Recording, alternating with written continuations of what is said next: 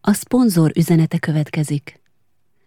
Az epizódok elkészítése mögött, még ha nem is látszik vagy hallatszik elsőre, bizony sok-sok munkaóra áll.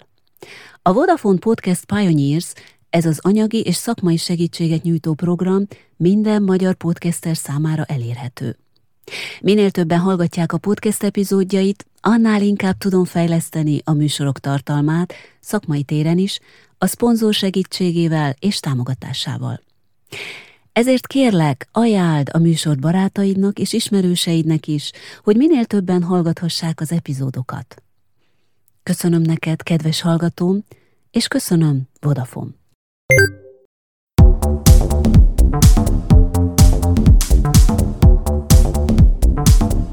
Ha érdekel, mi történik a földgolyó túlsó részén, ha nyitott vagy a miértekre, ha szeretsz elcsodálkozni a trendeken, és nem utolsó sorban, ha szeretnél inspirálódni, akkor maradj velem!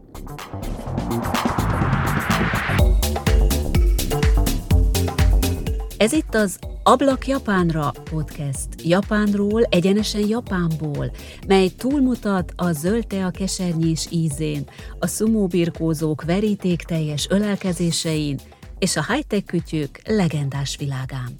Félretéve a kliséket, egy ablakot szeretnék nyitni neked a mai Japánból, a japán gondolkodásra. Ha már szereted Japánt, akkor azért, ha pedig egyszerűen csak ki akarsz szökkenni a megszokott kulturális keretek közül, akkor pedig azért tarts velem az elkövetkező percekben.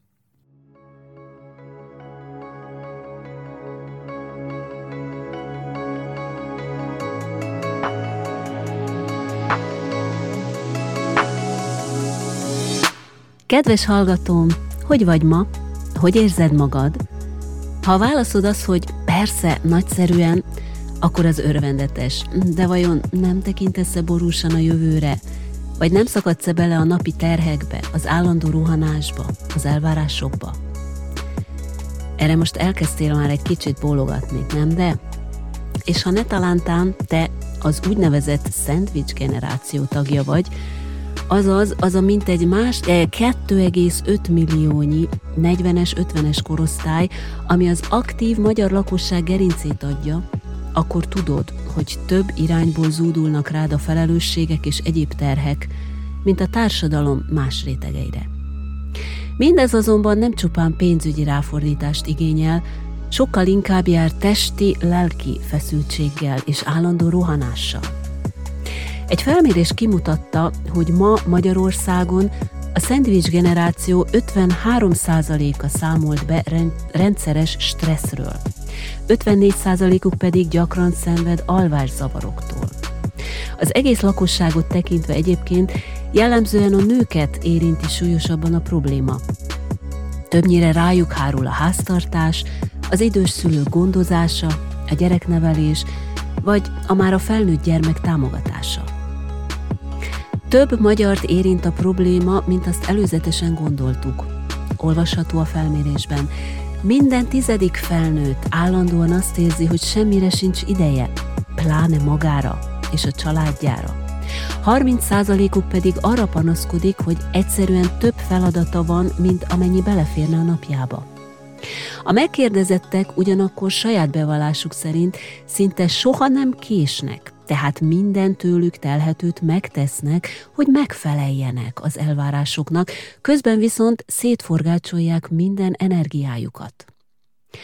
Világosan látszik tehát, hogy több millió embert érint hazánkban a feladathegyekből következő krónikus stressz.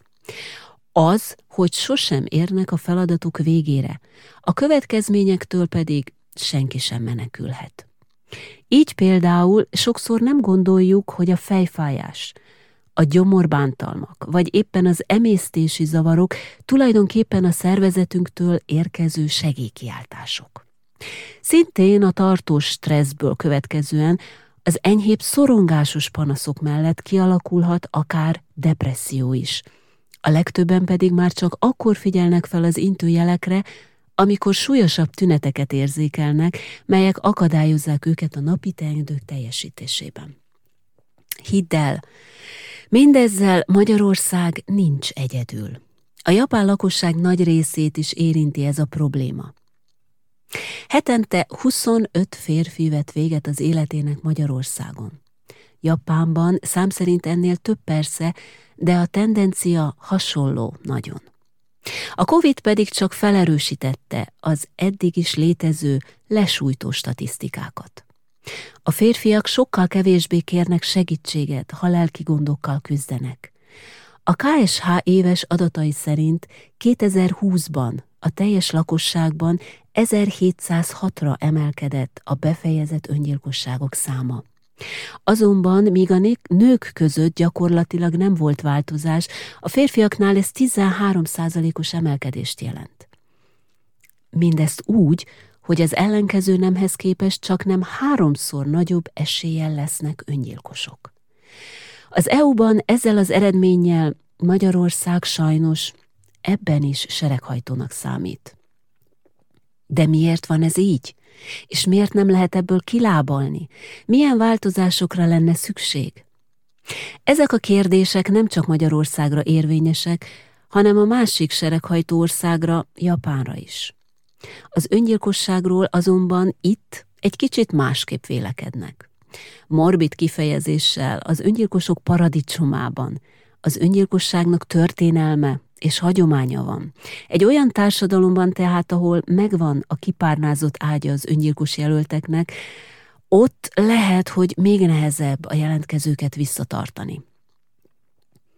A szakemberek szerint általánosságban véve elmondható, hogy az öngyilkosság az esetek többségében nem hirtelen felindulásból történik. Hosszú út vezet odáig, hogy valaki erre elszánja magát. Először jelenik meg egy lelki fájdalom, egyfajta reménytelenség érzet. Ez később egy izolációs fázishoz vezethet. Csak ezek után jön el az a stáció, az utolsó csepp a pohárban, azaz egy indító gomb, hogy valaki képes legyen elvenni a saját életét. Tudtad, kedves hallgatóm, hogy a nemek között is megfigyelhető némi különbség? Az öngyilkossági kísérletek négyszer gyakoribbak a nők körében, a befejezett ön öngyilkosságok száma viszont a férfiaknál többszörösen nagyobb. És a kivitelezés módja is keményebb, olykor brutálisabb. Önakasztás vagy fegyver, ezek a legtöbb módjai a valóban befejezni kívánt eseteknek. Japánban nehéz, szinte lehetetlen fegyverhez jutni, ezért a vonateléugrás és a fürdőzés alatti csuklóvénavágások is népszerűek, hogy ezt a nem igazán ideillő szót használjam. Ezért kulcsfontosságú a krízis állapot észlelése. Ezen a ponton ugyanis már nem tudnak az emberek segíteni magukon, beszorulnak. Az öngyilkosság legjelentősebb rizikófaktora a depresszió. A depresszió kétszer gyakoribb a nőknél, mégis a befejezett öngyilkosság férfiaknál gyakoribb minden korosztályban. Ezt hívják az öngyilkosság nemi paradoxának. Pedig a depresszió egy kezelhető pszichiátriai betegség. De sokan ehelyett inkább alkoholhoz és más szerekhez nyúlnak, vagy egyszerűen szemet próbálnak hunyni a problémájuk felett. A COVID ezért is ütött nagyot Magyarországon is, Japánban is, és valahol az egész világon. A férfiak életében ugyanis a munkahelyi egzisztencia jóval erősebb összefüggésben van a mindennapi stabilitással, és egy állás elvesztése egyaránt hat ki a férfiakon ülő, ülő teljesítménykényszerre, illetve jelenti azt, hogy a munkahelyi közeget, a barátait veszíti el valaki. Nem kellene viszont, hogy ez így legyen. Magyarországon, Magyarországon ugyanis az elmúlt 30-40 évben sokkal pontosabban kezelhetőbbé váltak a mentális betegségek, mind gyógyszeres, mind pedig terápiás szinten. Ráadásul tény az is, hogy a rendszerváltás szellemisége sokat liberalizálta hazánkban a lelki egészség körüli közbeszédet, és a mindennapok légköre is kevésbé volt szorongató. Magyarán a férfiakat is liberalizálta a korszak arra, hogy jobban sírhassanak. Mit tehetünk mi? a veszélyeztetett személyek körül vagy mellett élők. Mindenek előtt oda kell figyelnünk. Figyelnünk az apró változásokra, és nem elbagatelizálni a jelenségeket. Például egy befordulás, visszahúzódás, motiválatlanság mögött sokkal több lehet, mint szipla lustaság. Fontos az elfogadás tanúsítása, ami segít az érintetteknek a mentális egészségi problémáknak a helyén kezelésében, és ráébreszteti őket, hogy nem szégyen, ha valaki segítséget kér. Ráébreszteni az érintettet az életének értékére, egyediségére, és meggyőzni őket, akár terapeuta segítségével, hogy találjon az életében értelmet. A mai podcast fő témája Frankl Viktornak, az osztrák pszichoterapeutának magyarul is megjelent műve a Mégis mondj igent az életre című könyv. Frank megjárt több náci haláltábort is, és nem csak túlélőként, de egyben szakemberként is megpróbálta analizálni a táborlakók és a saját lelkének formálódását, illetve deformálódását. Logoterápiának nevezte el az életigenlést hirdető terápiáját. A mű Amerikában is és Japánban is nagy népszerűségnek örvend. Frank művét angolból magyarra egy fordító páros ültette át.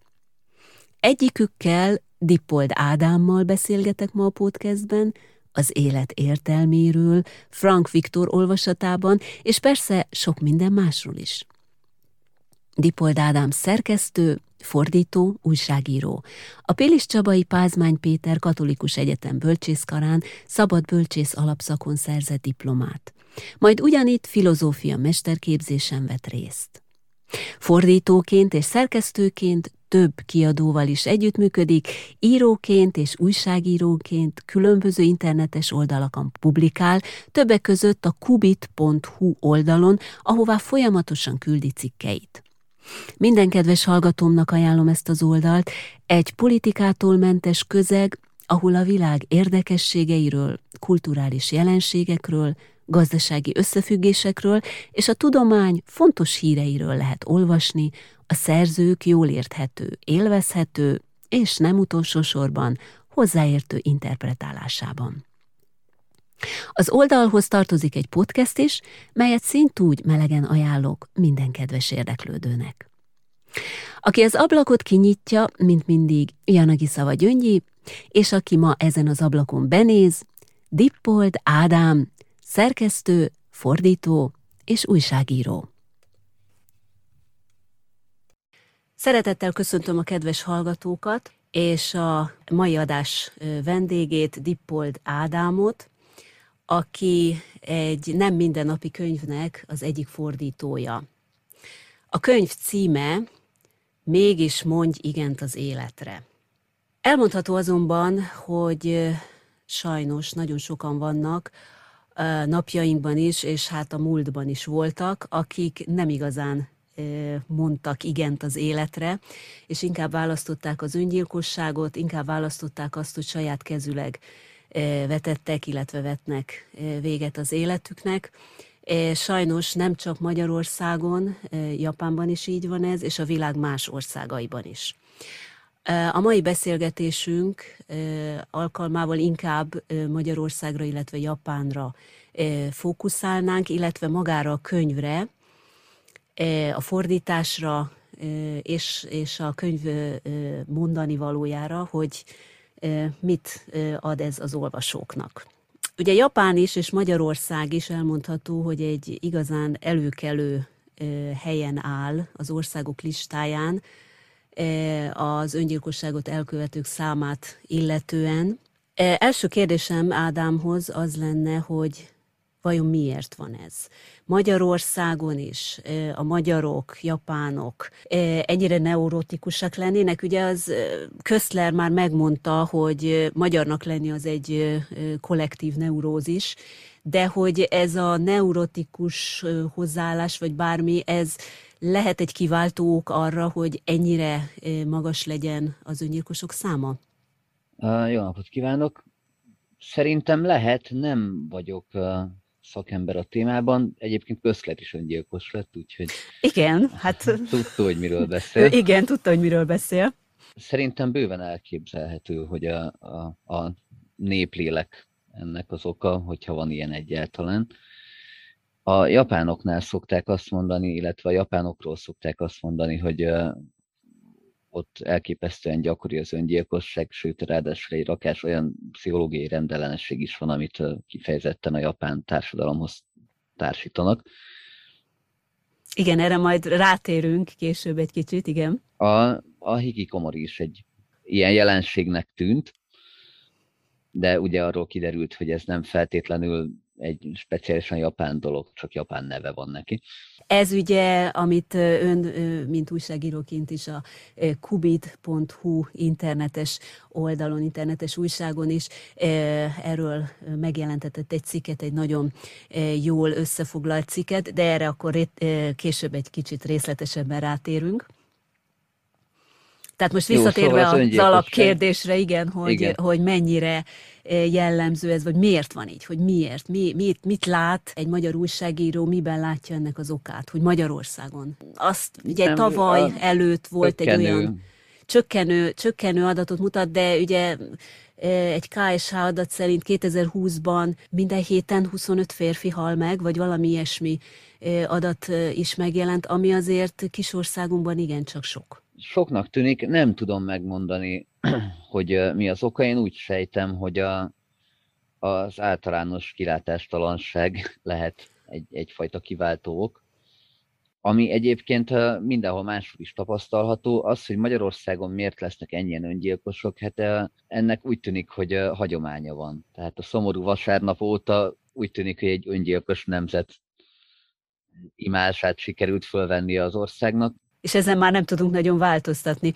Mi a tendencia? Kik lesznek, bocsánat a, a csúnya megfogalmazásért, kik választják, milyen korcsoport, a nemek között van-e különbség, milyen, milyen eltolódásban van ez például a férfiak arányára, a nők arányára nézve, képzettségi fok, tehát hogy mennyire tanult valaki, vagy kevésbé tanult. Itt van esetleg valami megfigyelhető dolog?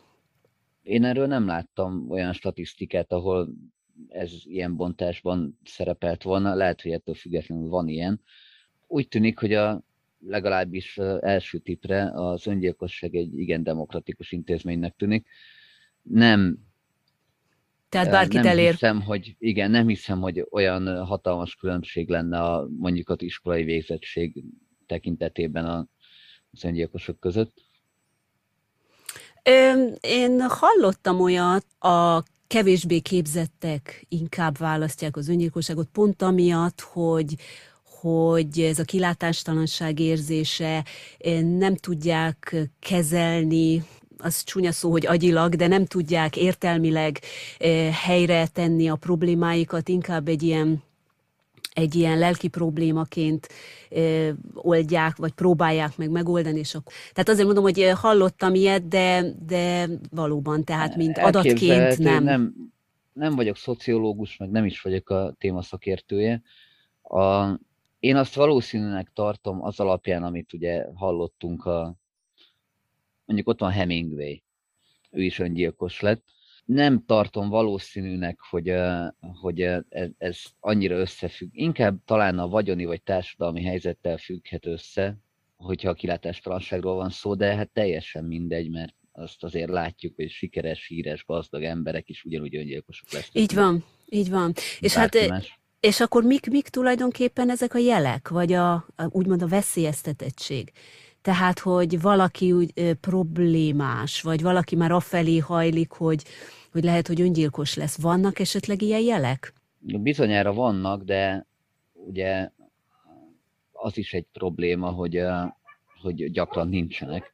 Tehát, hogy mondjuk egy szakember valószínűleg észreveszi az emberen, hogyha mondjuk jár pszichológushoz, hogy, hogy szuicid hajlamai vannak, de valószínűleg a hétköznapi életben, hogyha elmegy az ember X ember mellett a hetes buszon, könnyen lehet, hogy valamelyik azt fontolgatja, hogy öngyilkos lesz, de de nem, nem látszik rajta, tehát nyilvánvalóan nem, nem annyira egyszerű kiszúrni egy ilyet, ráadásul ugye a, és megint csak mondom, hogy nem vagyok se pszichológus, se szociológus, a, az is érdekes, hogy amikor különböző rockstárok, színészek, stb. lesznek öngyilkosok, akkor is a, ugye ez a, a hétköznapi hülye ötlet, hogy de hát nem is látszott rajta, meg előző nap igen, bulizott. Igen.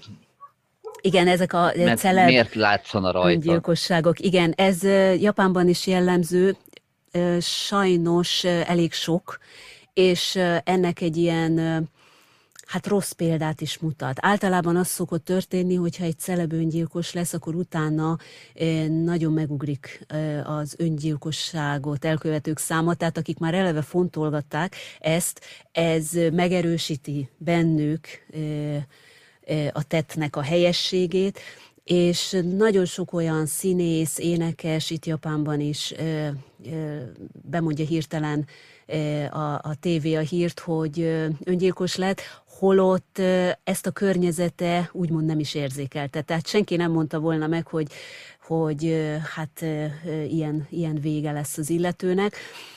Visszatérve még erre, hogy ugye a hetes buszon esetleg látjuk-e, kiszúrható-e, hogy hogy a közeljövőben valaki öngyilkosságot követel.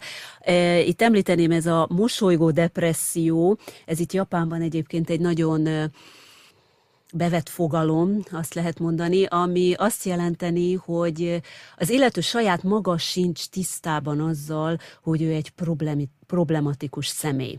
Ez alatt azt értem, hogy érzi azt, hogy valami gond van, tehát magával nem men, megy úgy, ahogy kellene, de ő ezt megpróbálja kendőzni saját maga előtt is, nem vallja be, és ez a mosolygó depresszió, hogy, hogy amikor elmegy dolgozni, amikor közösségbe megy, akkor ő ugyanúgy mosolyog, ugyanúgy próbál a, a környezetével kontaktust teremteni, de amikor egyedül van, akkor kerül egy ilyen, egy ilyen depressziós jellegű fázisba, amiből kilábal, tehát egy ilyen hullámzó időszakokra lehet gondolni, és, és aztán pedig egy ilyen utolsó cseppként valami éri, valamilyen fájdalom, és akkor követi el az öngyilkosságot. Tehát, mint fogalom, ez a mosolygó depresszió, ez, ez itt Japánban már létezik és van. Tehát csak ezt szerettem volna most így gyorsan még ehhez hozzátenni.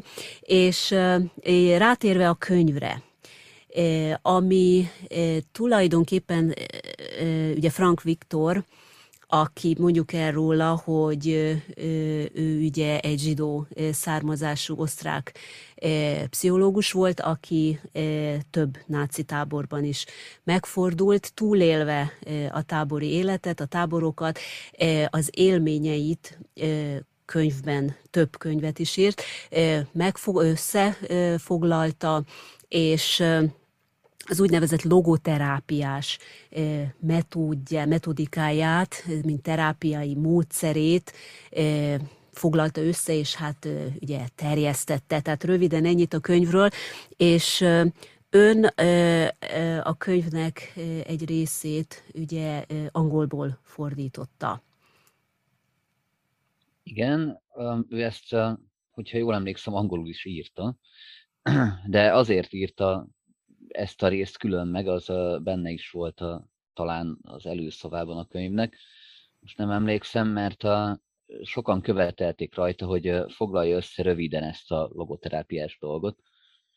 Egy hiába írt róla hosszan, meg alaposabban, kérték tőle, hogy a dióhéjban foglalja össze. Én azt a részét fordítottam, ezt az összefoglalást. Értem. És akkor ezt a logoterápiát, hogyha dióhéjban összefoglaljuk, akkor, akkor mi ez tulajdonképpen? A Frankl szerint ez egy olyan pszichológiai módszer, ami egyszerre merít a filozófiából és a pszichoanalitikából is, de, ahogy mondja, meghaladta a pszichoanalitiket. Pszichológus sem vagyok, tehát nem tudom Igen, de mint filozófus, mert, mert filozófus az viszont igen, mint filozófusként hogyan hogyan állt hozzá a könyvhöz, a fordításhoz, vagy egyáltalán, mint fordítóként, aki nekiáll egy ilyen jellegű könyvnek a fordításához, annak bizonyos szempontból érzékenynek kell lenni a témához, vagy, vagy ez tényleg pusztán mint szöveget kell fordítani? A fordítónak igazából akkor van szerencséje, hogyha érdekli is a téma, de egyébként ez pont olyan, mint a favágás. Hogyha az ember megkapja egy mosógép használati útmutatóját, azt ugyanúgy le lehet fordítani, mint egy frankol könyvet. Itt a címmel kapcsolatban hadd kérdezzem meg. Ugye magyar fordítás az úgy hangzik, hogy mégis mondj igent az életre. Az angol címe, ha jól tudom, akkor Yes to Life, ennyi csak, tehát, hogy igen az életre, és a német cím az viszont a Trotzdem Ja zu Leben sagen, az viszont benne van az első szó, tehát ez a trotzdem szó jelenteni azt, hogy mégis, azért is, valaminek az ellenére, de ez a mégis szó, ugye magyarul, hogyha azt mondjuk, hogy mégis, mégis mondj igent az életre, akkor egy kicsit legalábbis nekem azt asszociálta, hogy hát ha már én túléltem, hát ha már én ezen túlestem, és élve kikerültem belőle, akkor te mondj már ugyan igent az életre.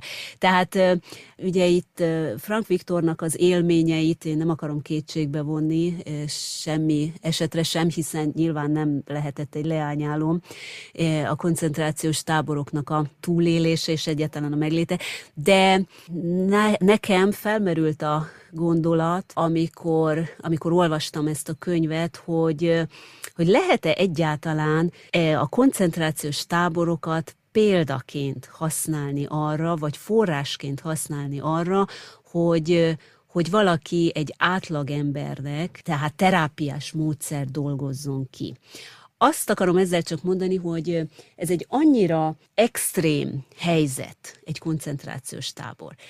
Frankl annyira kilépett a komfortzónájából, hogyha ezt most ilyen modern szóval mondjuk, ezt nem mindenki tudja véghez vinni.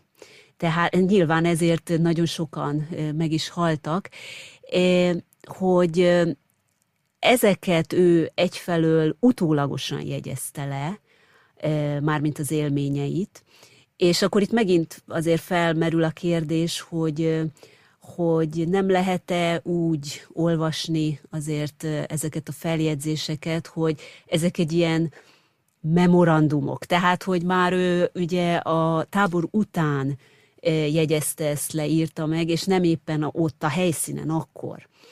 Tehát, hogy a, milyen... Itt, itt több probléma van. Ezzel a, a, először a, bocsánat, a mégis bekapaszkodnék bele. Igen, én úgy értelmeztem, igen.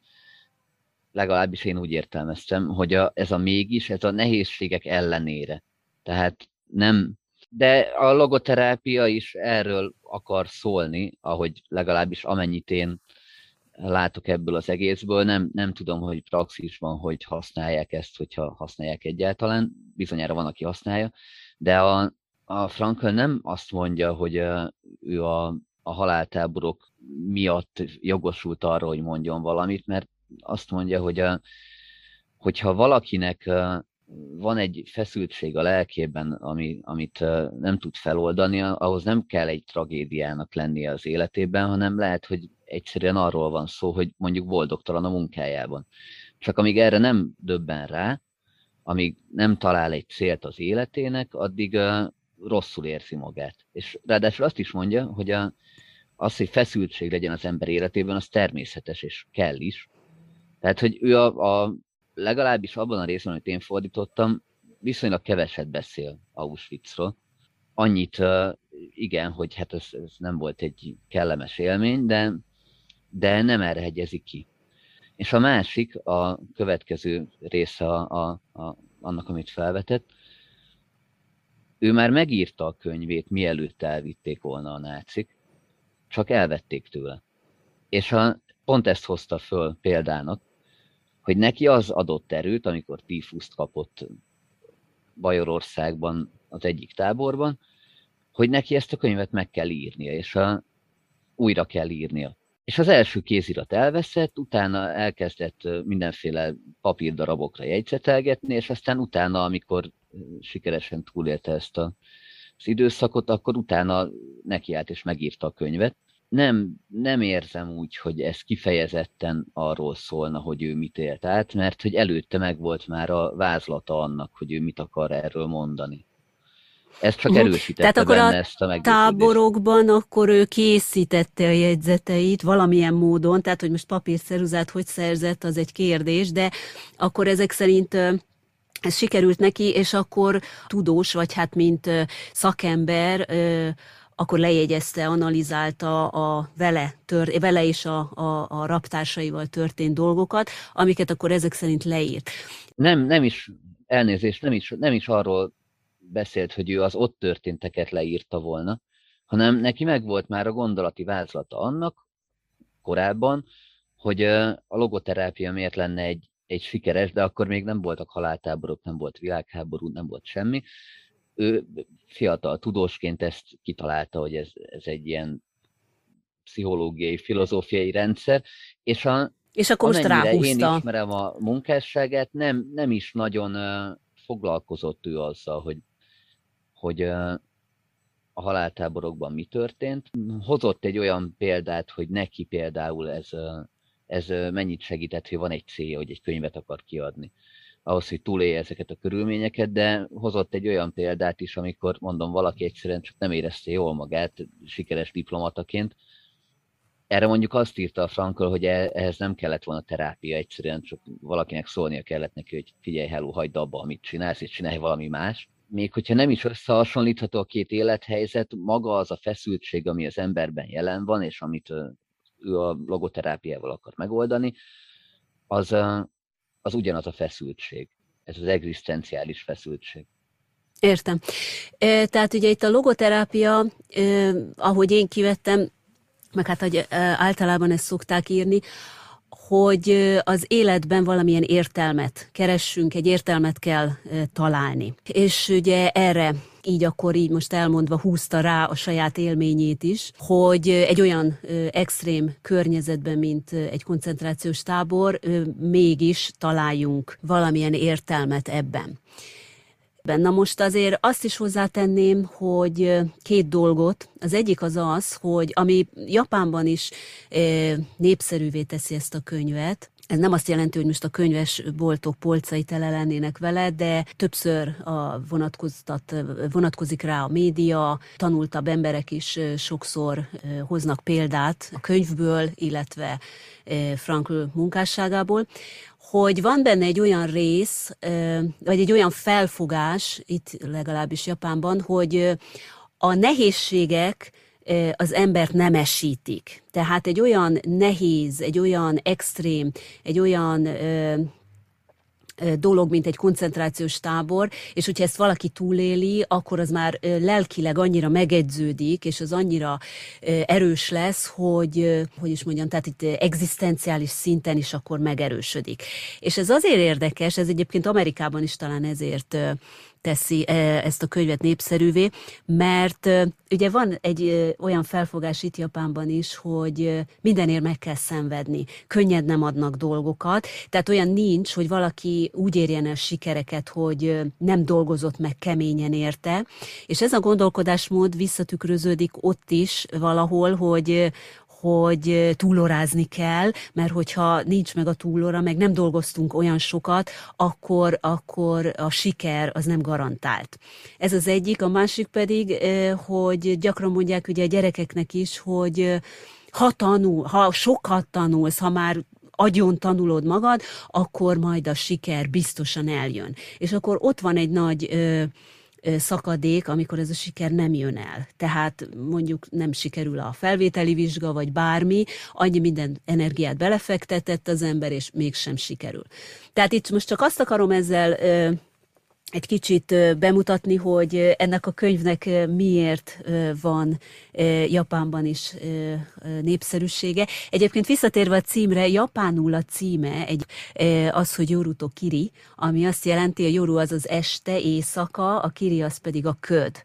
Tehát teljesen más, nem a szó szerinti fordítást látjuk, hanem teljesen más címet kapott. Ez egyébként nagyon gyakori itt Japánban, a könyveknek a címe, filmeknek a címe, teljesen más címet kap, azért, mert nem nem is csak az, hogy nem lehet lefordítani, mert nincs, nem lenne ugyanaz az értelme, nem ugyanazt a hatást kelti, ha szó szerint fordítják le, mint hogyha így úgymond átfordítják. De ez a, ennek a költői címnek a hát ilyen költői hangzása van. Költői hangzása van, igen, de itt talán inkább a hangulati a hangulati részét akarja visszaadni, tehát ugye ez az este, meg hogy köd, szóval ugye mind a kettő, tehát hogy ezt most így elképzeljük, hogy egy estében, meg egy ködben, szóval ez már nagyon-nagyon borús és nagyon sötét. Gondolom én, hogy itt a hangulat az, ami, amit ugye tovább akar adni valahogy. De érdekes, Nyilván hogy... itt a néplélekben nagy különbségek vannak, mert az biztos, hogyha én egy pszichológiai szakkönyvet szeretnék vásárolni, akkor nem az Esti Köd című könyv irányába indulnék el azonnal a boltban. Világos persze, de hát ez mondjuk nem nem szakkönyv mondjuk, tehát az átlagfogyasztó, az átlag olvasó is bőven de ugyanakkor sok tanulsággal is szolgál, és sok mindent azért el lehet belőle sajátítani. És éppen ez, tehát így ezt tovább gondolva, a következő az lenne a kérdésem, hogy vajon Magyarországon ezt mennyire alkalmazzák, vagy lenne ennek értelme, vagy erre igény, vagy hogy ugye Magyarországon egyáltalán mennyire ismert ez a könyv? Ezt nem igazán tudnám megmondani. A, valamennyire ismert, de hát a, ezzel is az a helyzet, mint egy, egy rakás másik könyvvel, hogy a, mondjuk egyetemen szokás legalább beleolvasni. Ebben nem tudom, hogy ezt konkrétan feladták-e valahol, de hogy azért az ember találkozik vele. Igen, igen. Itt-ott, de, de nem, nem hiszem, hogy tomboló népszerűsége lenne.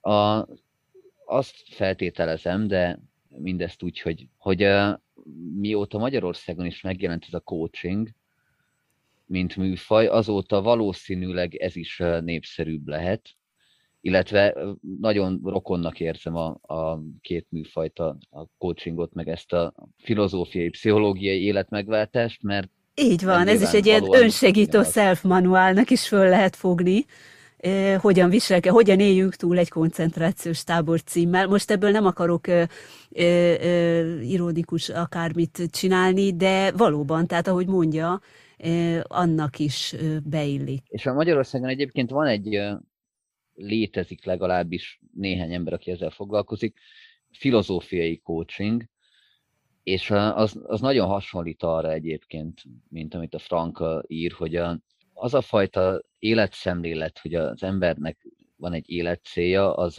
az nyugodtan megragadható akár vallási, akár filozófiai értelemben is, de a Frankl nem megy el idáig, azt mondja, hogy ha az embernek az a célja, hogy, hogy bármi, hogy csináljon valamit, írjon egy könyvet, keljen föl holnap, már az is valami, és ezek a célok, ezek nem általános örökérvényű dolgok, azt mondja, hogy pont olyan megkérdezni azt, hogy mi az élet célja, mint hogyha megkérdeznék a saknagymestert, hogy mi a legjobb saklépés a világon. Ez folyamatosan alakul és változik. Igen.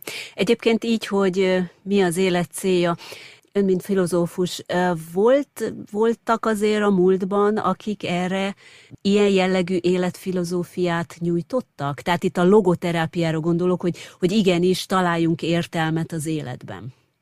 Elég sok mindent lehet említeni. A amit maga Frankl hozott föl, az a, egy, egyfajta ilyen kanti megközelítés, ez az akarhatom, hogy mindenki úgy cselekedjen, ahogy én, ugye ez a maxima. De ami nagyon érdekes szerintem, és amikor átolvastam a, a könyvet tegnap, akkor jutott eszembe, hogy a, a világjárvány elején írtam egy cikket a, arról, hogy milyen elképesztő népszerűségre tett szert a, a sztoicizmus. És a, őrület, hát az egy, az is egy életfilozófia, bár nem, nem pont a, Frankl féle irányvonalat képviseli, de hogy mit tudom én, Marcus Aureliusból négyszer annyi fogyott a járvány kitörése után, mint előtte. És szerintem ez is mutatja, hogy az embereknek van igényük erre a, a fajta ilyen a filozófikus életvezetési tanácsokra, csak hát nyilván mondjuk Marcus Aurelius az nem feltétlenül egy ilyen rendkívül aktív megoldást javasolt arra, hogy, hogy lehet a nehézségekkel megbirkózni. Hát igen, ilyenkor ugye az emberek valamibe kapaszkodni szeretnének, valahova menekülni szeretnének, ugye egy, egy nem a mindennapi megszokott életüket élik, de hogy akkor a filozófia akkor ezek szerint azért egy ilyen hátország, ahova bármikor vissza lehet térni, és kiki a saját gondolkodásának megfelelően biztos, hogy talál valamilyen tanácsadó, kapaszkodó filozófiai irányzatot ezek szerint. Frankl esetében logoterápia, mi az, ami nála ez a teljesen új, tehát hogy eddig még nem volt úgy filozófiai, úgy pszichológiai értelemben. Hát inkább itt most ugye a filozófiára értem.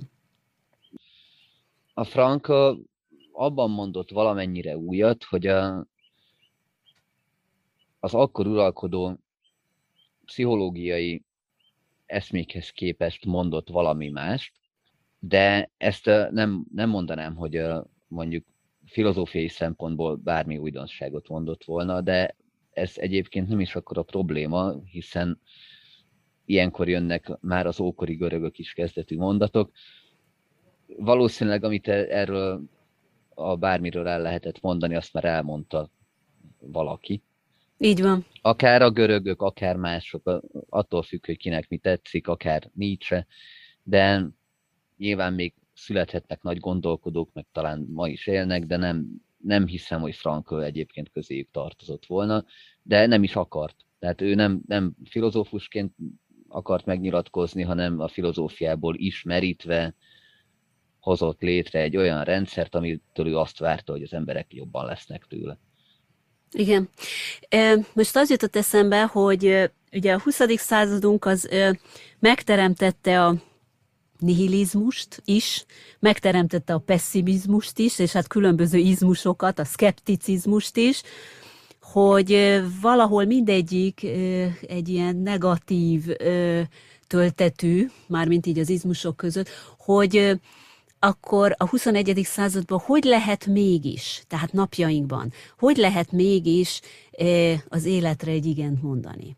Hát gondolom úgy, hogy az ember a Franklhoz hasonló önsegítő könyveket olvas, de nem tudom egyébként a viccet félretéve, azt hiszem, hogy annak ellenére, hogy nagyon szeretjük azt mondani, hogy milyen rettenetes most, meg ugye ez pont ugyanaz a, a témakör, mint hogy a mai hülye fiatalok milyen hülyék, már Platón is írta, hogy a, az akkori hülye fiatalok milyen hülyék, és ő is Igen, hát általában hogy... minden korban a fiatalok hülyék, igen. ez sem ez változik. Ugyanaz, hogy, hogy nem olyan rettenetes ez a világ, annak ellenére, hogy most itt van egy járvány, hát a, a nem örülünk neki, de hát mondjuk, hogyha az ember elolvassa a Decameront, ott a, a Pest is azért egy, egy fokkal durvább dolog volt aztán mégis valahogy megvoltak az emberek. Mondjuk nem ártott, ha az embernek van egy vidéki kastélya, de... Igen, de hát nyilván azért erősebb ö, ö, lelki, lelki hozzáállásra van szükség.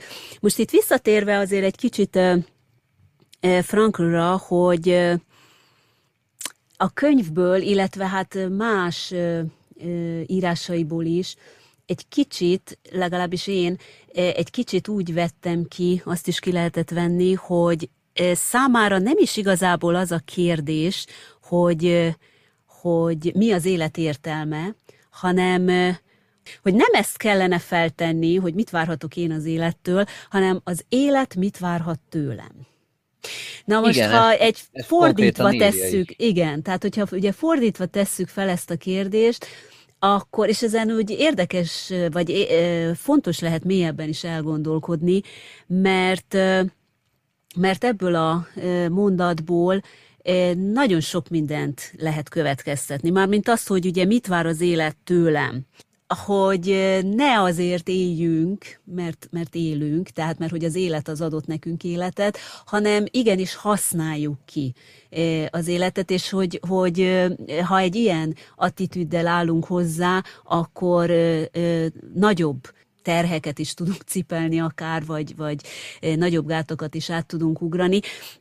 Igen, tehát, hogy amikor eljut valaki egy olyan szintre, egy olyan fázisba, hogy, hogy öngyilkos legyen, és ez lehet magyar, japán, koreai, bármi, akkor lehet, hogy, hogy ez most olyan sémásan fog hangzani, de hogy vannak azért ebben valamilyen csoportosítási lehetőségek, tehát hogy ki lesz öngyilkos. Hogy mondjuk a, olyan valaki, aki nagyon beteg, és azt mondja, hogy, hogy nem akar már tovább élni. Ő lemond az életről, vagy hogy valamilyen hatást akar kiváltani azáltal, hogy, hogy ő öngyilkosságot követel, tehát a környezetét akarja ezzel idegesíteni, magára felhívni a figyelmet. És nem tudom, hogy ez például Magyarországon mennyire van jelen, mert, mert Japánban, és főképp az utóbbi időben is, ez nagyon itt van. Hogy ezt a frusztrációt, ami, ami éri az embert, az embereket, azt ő úgy ö, akarja feldolgozni, hogy ne legyen az öngyilkossága egy hiába ö, való tett, hanem ezzel is ö, idegesíteni akarja a környezetét, vagy valami olyan nehézséget akar okozni. Itt, a, itt a, az ilyen jellegű büntényekre gondolok legfőképpen, bosszút akar állni azon, hogy nem sikerült neki valami. Tehát a társadalmon akar tulajdonképp azzal bosszút állni, bosszút állni hogy felgyújt valamit, felgyújt egy klinikát. Például tavaly volt egy ilyen eset, nagyon-nagyon szörnyű eset volt. Tehát az Arról illető olvastam. maga akar Szerintem öngyilkos ez... lenni, és ezzel másokat is egy olyan helyzetbe sodor, hogy, hogy meghalnak, de igazából ő, ő akart öngyilkos lenni hogy ez például Magyarországon mennyire van jelen? Egyrészt nem tudom, másrészt szerintem nagyon ritka. A, én ezt a, nehezen tudom elképzelni, hogy a, én is csak a hírekből tudok tájékozódni, én is olvastam erről a, a tavalyi japán esetről. Nyilván azért került be a nemzetközi sajtóba is, mert az ilyesmi azért nem hétköznapi. De egyébként itt, sajnos itt szerintem sok. nem sok. Tehát sok olyan kisebb, úgy mondanám inkább, hogy kisebb eset van, ami már nem kerül be a e, nemzetközi sajtóba. A kisebb esetek azok pedig e, az úgynevezett 8-0-5-0 probléma, ez egy társadalmi probléma, a 80 éves, 50 éves, e, tehát itt a két generációs, a 80 éves ugye a szülő, az 50 éves pedig a gyerek generációnak a problémája, amikor, amikor együtt él a, a gyerek a szülővel, és egy olyan kilátástalan helyzet áll elő, hogy hogy azt mondják, vagy azt mondja a gyerek már, hogy a gyerek, tehát az 50 éves, hogy felgyújtja inkább az egész házat, felgyújtja a lakást, és halljon meg mindenki, és akkor ezzel vége, vége az egésznek, az életnek. És, és ilyen eset is nagyon sok van. Nemzetközi média nem számol be, de hogy mint ez is egy jelenség, itt Japánban, de akkor ez Magyarországon azért még nincs. Nem annyira. Nem, nem tudok róla. Olyanok vannak, hogy a, hát vannak ilyen családírtások, de ugye az is egy, hál' Istennek, egy viszonylag ritka jelenség. Hogyha így veszük az öngyilkosságot, akkor nyilván ide lehet sorolni azt is, hogyha ha valaki kinyíri az egész családját, aztán saját magát is, de, de ez, én úgy érzem valahogy, hogy ez nem, nem ugyanaz a kategória mint egy gyilkosság. Mint egy öngyilkosság. Igen, tehát itt a, az európai gondolkodásmód és a japán gondolkodásmód különbségei is azért már kidomborodnak, és itt fontosnak tartom azt is megjegyezni, hogy Ezeknél az eseteknél, már mint a japán eseteknél, eh, nem feltétlen jó európai módon gondolkodni. Tehát, hogyha azt mondja valaki, hogy na hát ez Európában elképzelhetetlen, vagy hát én nem tudom megérteni, hogy miért, akkor, és teljesen egy negatív véleménnyel van a történtekről, akkor azt mondanám, hogy nehéz persze megérteni európai fejjel, de az empátia az egy nagyon fontos dolog, tehát próbálni megérteni a másiknak a helyzetét. Ez az egyik, a másik pedig, hogy hát itt is emberek élnek. Tehát ez azt jelenti, hogy ők is ugyanúgy olyan érző emberek, mint az európaiak, ők is itt Japánban ugyanúgy problémákkal küzdködnek, hogy hogyan oldják meg, hogyan menekülnek ezekből a problémákból, ez egy sajátos mód Európa pai szemmel nézve, de nem, nem mondanám azt, hogy hogy is mondjam, lekicsinylendő, vagy, vagy pedig teljesen negatív attribútumokat kellene használni akkor, amikor az ember erről beszél. Valószínűleg egyébként a, a mozgatórugók nagyon különböznek, mert hogyha ha itthon az ember egy olyat hall, hogy kilátástalan helyzetben felgyújtotta a házát, megölte a gyerekét, felakasztotta magát, mit tudom én, a, valószínűleg ott egészen más motiváció van mögötte, mint a, a klinikát felgyújtó. A klinikát felgyújtó, igen, a klinikát felgyújtó. Vagy, vagy annak, aki a saját házát gyújtja föl a, a szüleivel benne. Japánban. Valószínűleg egészen más a, a gondolati háttér, hogyha ilyet egyetlen lehet mondani. Persze, vagy, mert a, a, a, a helyzete. Így van, tehát má, más, más a hm. helyzet ebből a helyzetből. Most egy nagyon, hogy ezt nagyon egyszerűen illusztráljam, talán azt tudnám mondani, hogy Magyarországon, amíg létezik, vagy Európában mondjuk azért így, van azért egy bizonyos szociális háló. Most ne térjünk ki arra, hogy ez most mennyire jó, rossz, mennyire építették le, de a tény, hogy van szociális háló. Tehát azt jelenti, ha valaki elveszti a munkáját, akkor azért mégis van munkanélküli segély, ha bármi, tehát rokkant nyugdíj például, van egy, egy adott szociális háló. Na most Japánban ez nincs. Olyan értelemben, hogy itt ilyen, hogy rokkant nyugdíj például, ilyen nem létezik effektív. Az, hogyha valaki egy olyan helyzetbe kerül az élete során, hogy hogy kilátástalan, tehát elveszti a munkáját, betegségét, és ez, ez mondjuk egyidejűleg történik meg vele, és, és azt mondja, hogy most mit csináljon. Hát mondaná ezt ugye egy magyar, hogy akkor, akkor elmegyek segélyért az önkormányzathoz, és akkor majd, majd lesz valami, és kap, kap segét. Na most itt Japánban segét kapni így, ilyen módon nem lehet, mert az történik, hogy ezt most itt szó szerint értve mesztelennek kell lenni. Ami azt jelenti, hogy semmiféle vagyonnak nem lehet lenni, tehát nem lehet egy autója az illetőnek. Az, hogyha most van egy háza például, hát akkor már szóba sem állnak vele. Tehát nem lehet semmije, ez az egyik, semmi vagyona. A másik dolog pedig, amikor bemegy a hivatalba, akkor az az első, hogy felveszik ugye úgymond az adatait, és a családját értesítik. Tehát ez a családja az azt jelenti, hogy akármilyen távoli rokon értesíteni fogják, hogy hoppá, itt van XY, hát kellene róla gondoskodni, segítsen neki. Na most a japán gondolkodásban ez, hogy valakit lelkileg egy ilyen helyzetbe taszítsanak, ez, ez nagyon-nagyon elképzelhetetlen, nagyon nehéz, mert mert ő nem akar rászólni sem, senkire. Tehát pont erre épül itt a, a, a társadalmi, eh, eh, hogy is mondjam, a társadalmi beállítottság, a nevelés, meg egyáltalán, hogy másoknak ne okozzunk plusz terhet, munkát, stb. Amit lehet, azt ugye magunk intézzük el, magunk csináljuk meg.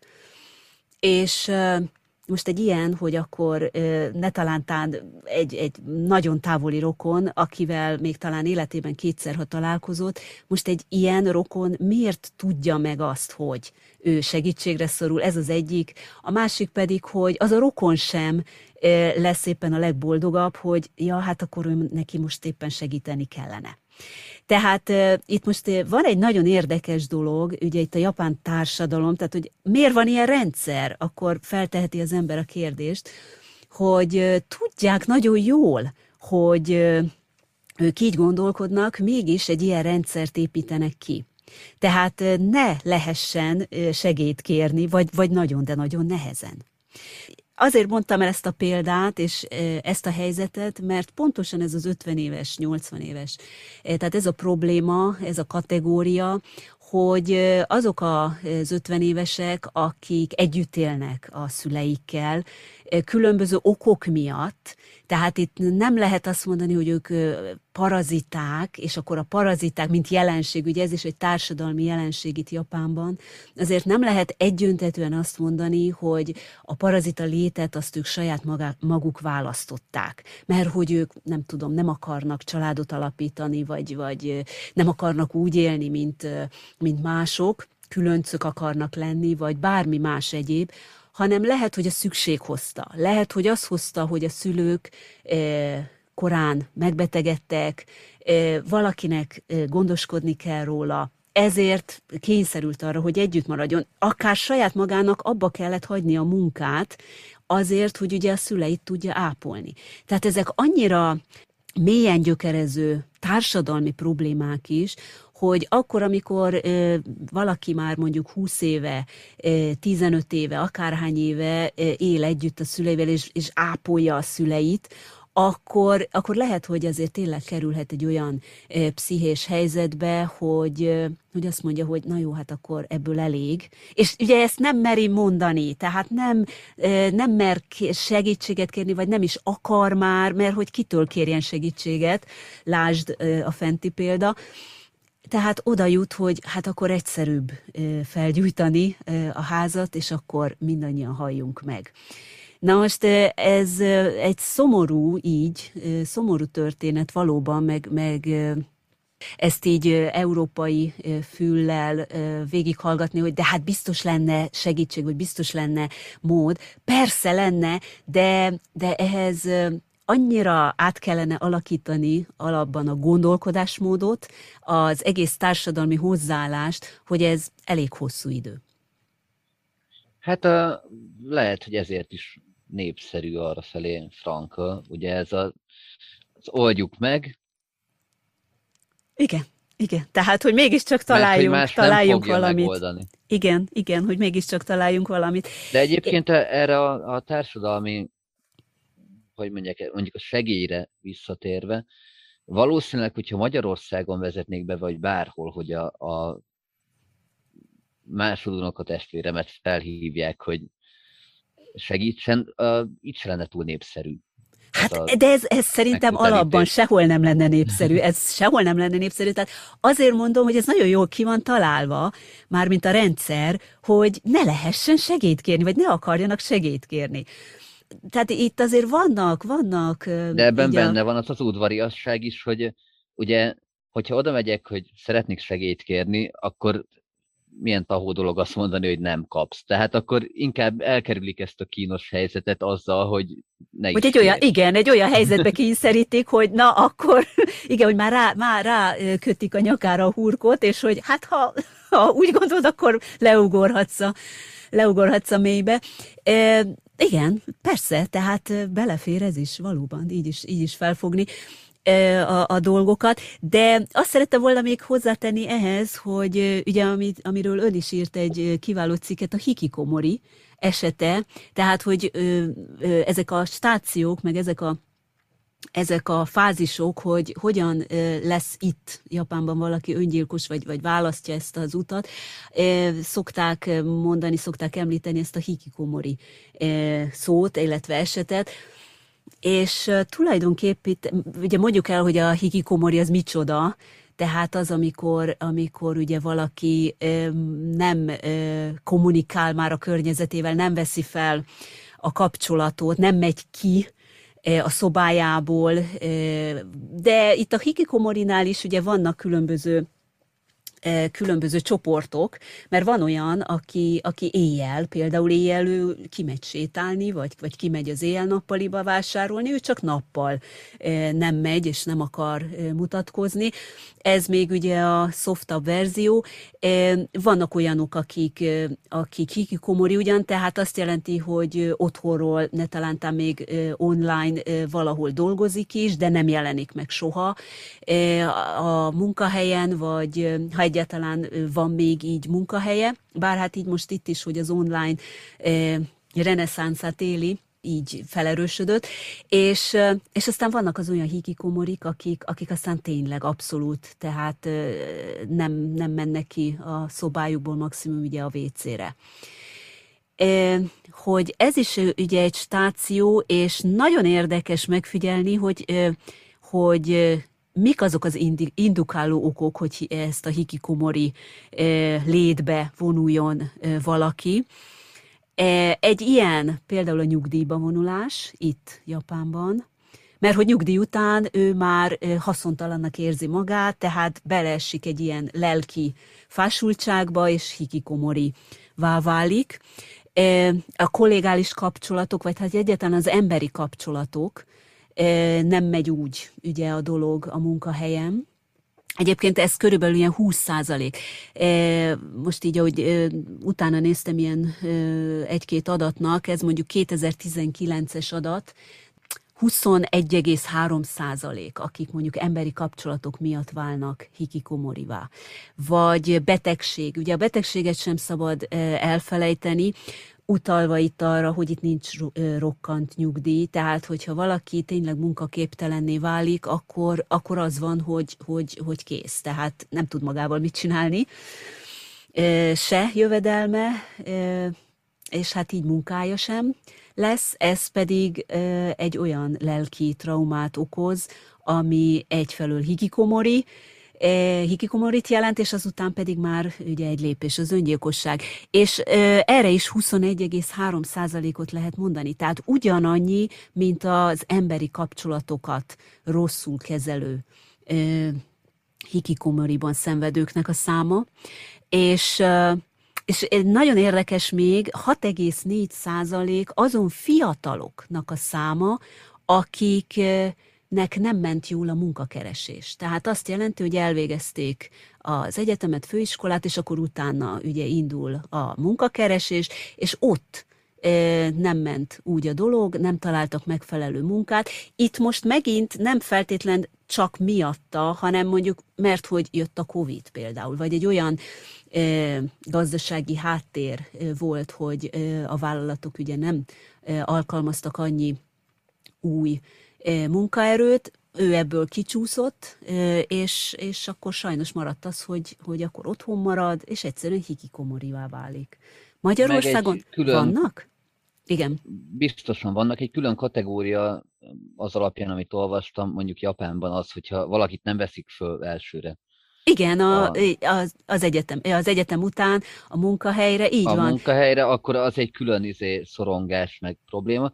Én amikor ezzel a témával elkezdtem foglalkozni, akkor úgy voltam vele nyilván, mint mindenki, aki, aki nem tud semmit Japánról, hogy, hogy ez valamilyen speciálisan japán hülyeség lesz. Hogy, hogy ez biztos, hogy valami olyan, ami, ami kizárólag ott tenyészik. És van egy sor pszichológiai probléma, ami inkább jellemző Japánra, mint más országokra. És aztán rá kellett jönnöm, nyilván ez kellett a pandémia is, hogy hogy ez nem egy speciálisan japán dolog, ez a hikikomori, csak éppen japán neve van. A, igen, mert, mert hogy először itt regisztrálták, úgymond, hogy hát igen, jöttek rá, vagy nevezték el, igen, de a jelenség létezik, és Franciaországban is létezik egyébként, nagy, nagy számmal, igen. Igen, és pont Franciaország volt az, ahol Európában először elkezdték ezt kutatni. Nyilván ilyenkor az van, hogy valakinek kell egy PhD tézis, és akkor valamit keres, de ez, ez mondjuk kivételesen nem a légycsapás elmélete, vagy valamilyen hasonló uh, fontos világmegfejtés volt, hanem az, hogy a, az emberek, pláne amikor kitört ez a világjárvány, hajlamosabbak otthon maradni. Ugye, amikor a home office egy ilyen forradalmi dolognak tűnt, hogy úristen, van, aki otthonról dolgozik, aztán a félvilág otthonról dolgozott egy pár hónappal később. Ez a hikikomori is olyan, mert magamon is láttam, hogy én se szívesen mentem el otthonról, mert egyrészt hova mentem volna, mert otthon dolgoztam, másrészt már az is kényelmetlen volt, hogy jön a postás, mert minek jön az ide. Igen, igen, mert az is egy potenciális vírusforrás lehet. Valóban. Egyébként most így hadd kérdezzek rá, és milyen volt a hikikomori élet, vagy milyen a hikikomori élet? Megtapasztalni. Őszintén szólva úgy, hogy az ember online értekezletekre jár, online dolgozik, és a postán kapja a recenziós példányokat, amiket el kéne olvasni. Olyan nem olyan rettenetes. Nyilván van a, az életek olyan része, ami hiányzik, de valahogy így tudom elképzelni. Tehát a Decameront már említettem, valahogy így tudom elképzelni, hogy az ember visszavonul vidéki birtokaira, és el van, mint a befőtt. Igen, Ez igen. nyilvánvalóan egy panelházban sokkal kényelmetlenebb lenne megcsinálni, és nem is lehetne megcsinálni, hogy az ember nem, nem megy el sehova. Ha van kert, meg erdő, akkor ez igen, tehát hogy a saját, saját metaverzumát akkor fel tudja építeni, igen, és akkor, akkor tulajdonképpen a külvilágra ilyen szempontból nincs is szükség. Annyi, azért hát ez azt a is... home office volt a, a nagyon érdekes egyébként szerintem ebben az egész járványban, mert mondom, amikor elkezdtem ezzel a hikikomorival foglalkozni, meg írtam róla egy cikket, a, a... Igen, ez is a Kubit, Kubit Hun megjelent, mindenkinek ajánlom a kedves hallgatóknak, Igen, hogy köszönjük. feltétlen olvassák el. Akkor mondom, hogy ez, ez egy ilyen mondjuk, hogy elméleti érdeklődés volt. Tehát, hogy nem fordult volna meg a fejemben, hogy az, hogy én nem megyek el otthonról, az azt jelenti, hogy engem ez a probléma bármilyen módon érintene, hanem csak találtam egy érdekes jelenséget, amit nyilván Japánban hűznek sportszerűen, és mondom, nem csak a Franciaország derült ki, hanem nyilván az emberek, amikor bekényszerültek, a, már azok a szerencsések, akik tudtak otthonról dolgozni a, a négy fal közé, akkor uh, valamennyire kaptak egy kóstolót ebből a, a dologból. Igaz, hogy hogy ennek vannak különböző ilyen kritériumai, hogy szorongással tölti el az embert, hogyha másokkal kell találkoznia, rosszul érzi magát. De tehát ki nem érezte magát rosszul, hogyha másokkal kellett találkozni a világjárvány közepén.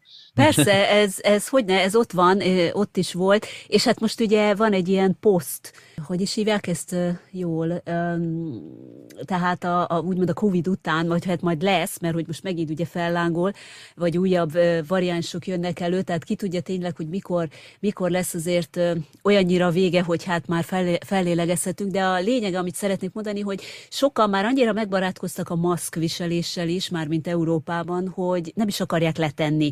Tehát az már egy olyan létet biztosít számukra, el lehet bújni a maszk mögé. Egyébként itt Japánban is érdekes módon nyáron is viselnek maszkot, tehát ez nem azt jelenti, nem csak a, az elsődleges funkciójáért viselik, tehát hogy a vírus távoltartása, vagy hát ugye másoknak a védelme, hanem van egy érdekes, főképp ugye a fiatalok, mert ugye a maszk az eltakarja az arcot, és akkor ne, nem látja a másik, hogy ő most szenved, örül, vagy éppen a felszáll a vonatra, akkor, akkor ne nézzék őt, hogy most éppen ő örül, vagy, vagy éppen milyen hangulatban van, hanem ugye a maszk az egy ilyen, egy ilyen semlegesít, vagy ha bemegy egy boltba vásárolni, akkor, akkor kész, akkor ő mint egy bábú, és ne, senki ne nézze őt, mint hogy is mondja, mint érző, tehát hogy éppen neki milyen érzései vannak.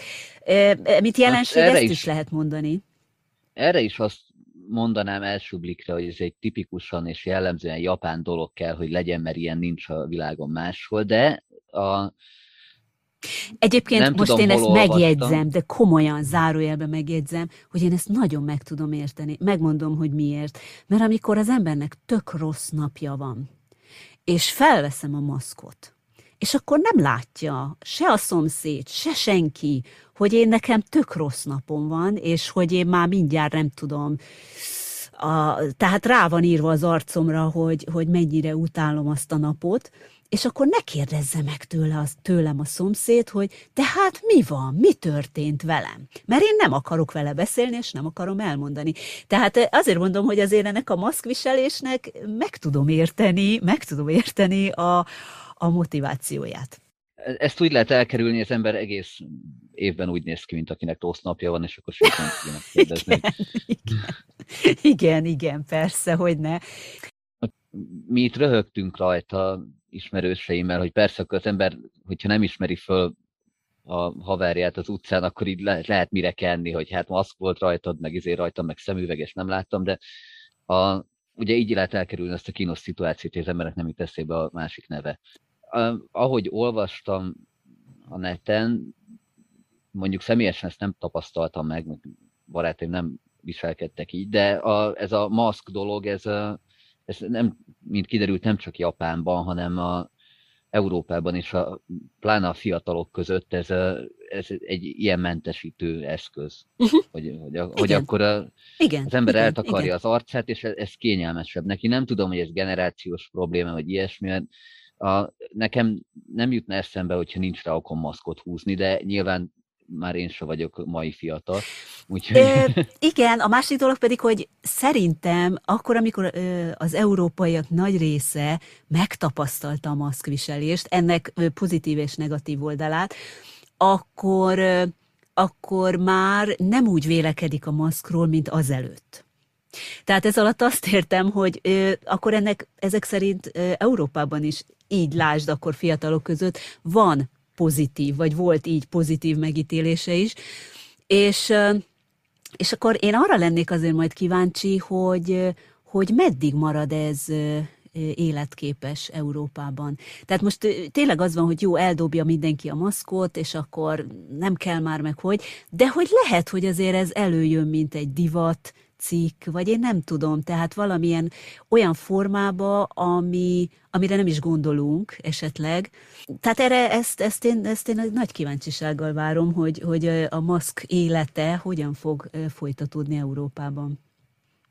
Valószínűleg meg fog maradni, én legalábbis úgy gondolom, de megint csak nem vagyok szakember. Az nagyon érdekes volt, hogy én a kínai piac környékén gyakran láttam már a Covid előtt is persze embereket maszkban, mert hogy abban a kultúrában ez teljesen természetes, hogyha az ember meg van fázva, akkor ne fertőzzön körbe mindenkit.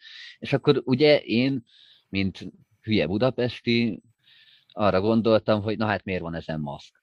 De aztán így próbáltam valahogy megérteni, meg belegondolni, és akkor gondoltam, hogy hát jó, hát végül is ez tök menő dolog, hogy nem akarod a kollégáidat megfertőzni, de hát ennek ellenére nekem eszembe nem jutott volna, egyrészt mondjuk betegen nem mentem dolgozni, de de eszembe nem jutott volna, hogy, hogy maszkot viseljek a hétköznapi életben. Na most a Covid ezen alaposan változtatott, és most már ott tartok én is, de lehet, hogy én aggódom túl a dolgot, hogy, a, hogy, a, hogy igen, a maszk az velünk fog maradni, nem valószínű, hogy szívesen felszállnék egy 4-es 6-osra maszk nélkül, és egyébként meg a, a folyamatos készfertőtlenítés mánia, az odáig jutott, hogy el nem tudom képzelni, hogy én mennyi kórokozót vittem be a szervezetembe eddig minden különösebb probléma nélkül, mert hogy mindent lemosok. Igen, igen. Azért meg, tehát megváltozik az életünk, megváltozik ez mindenféleképpen. és a, a,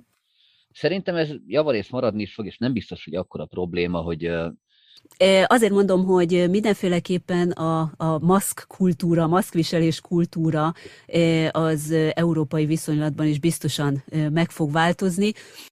Hát egyébként egy olyan divat, divat cikk is lett belőle, ezen nagyon kellett röhögnöm, amikor kitört a járvány, maszkok, mit tudom én.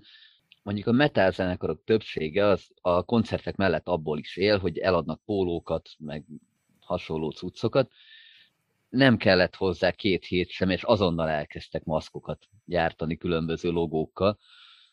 Sokszor mondja ugye a nemzetközi média is, hogy hát Japánban mennyire meg tudták fékezni a vírus terjedését, és hát ugye ez bizonyos értelemben a kormánynak köszönhető, stb. A kormánynak abszolút nem köszönhető, mert mint intézkedés, tehát kormány intézkedés, azon kívül, hogy volt egy időszak, amikor ténylegesen ugye lezárták a tehát lockdown volt, és város lezárás, stb. De nem, hanem egyszerűen az emberek fegyelmezettsége.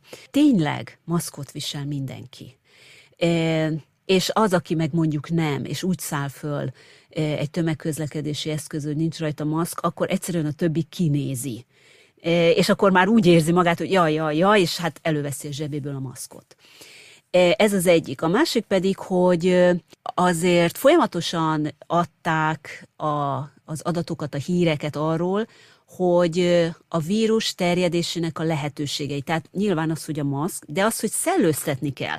Illetve az, hogy ha nincs valaki maszk, de ne beszéljen, tehát maga, vagy ne tüsszöljön, tehát hogy ne beszéljen, mert ugye nyilván a cseppfertőzéssel terjed, tehát a vonatokon is, a metróban is kinyitották. Minden nap, tehát ezt is így mutatták a hírekben, hogy minden nap a vonatvezető kinyitja minden eh, második ablakot eh, az ellentétes oldalon, megvan, hogy hány centire, mert ezt is eh, lemérték, és ki kimutatták, meg kikísérletezték, hogy mennyit kell az ablakot eh, ahhoz kinyitni, eh, hogy, hogy ez a bizonyos cirkuláció meglegyen. Tehát nem össze-vissza, magyarán ezt akarom csak mondani, hogy nem az van, hogy oké, okay, most mit tudom én, viseljünk maszkot, vagy húzzuk le az ablakot a, a metrón, vagy nyissunk ablakot, vagy ilyenek, hanem ezt kikísérletezték. Tehát ott volt, hogy hogy a, a rettentő kicsik is éttermekbe, kifőzdékbe hány ventilátor tegyen oda, hova tegyen, hogy a, a, a levegő cirkulációja az úgy jöjjön ki, hogy ott állandóan új levegő jöjjön, tehát hogyha most ott valaki eltüsszenti magát, vagy bármi van, akkor a vírus minél előbb kikerüljön abból a térből.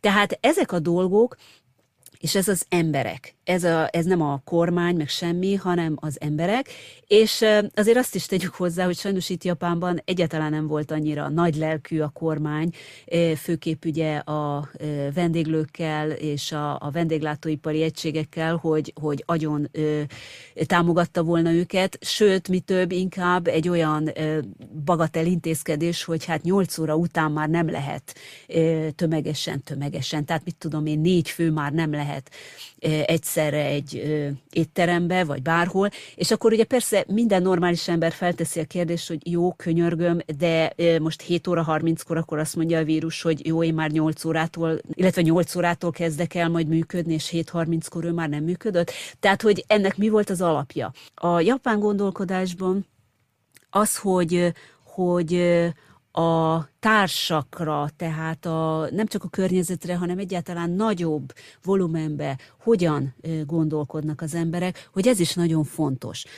A e, Frankl könyv, ami tehát nem közvetlenül ebben a könyvben, a mégis mondj igen az életre, más könyvéből vett gondolatok, illetve hát ugye tanácsok, meglátásai, egy-két idézetet én kiírtam ezekből. Például van egy ilyen, hogy az élet nem más, mint megkérdezetnek lenni, mint ahogy létünk sem más, mint válasz.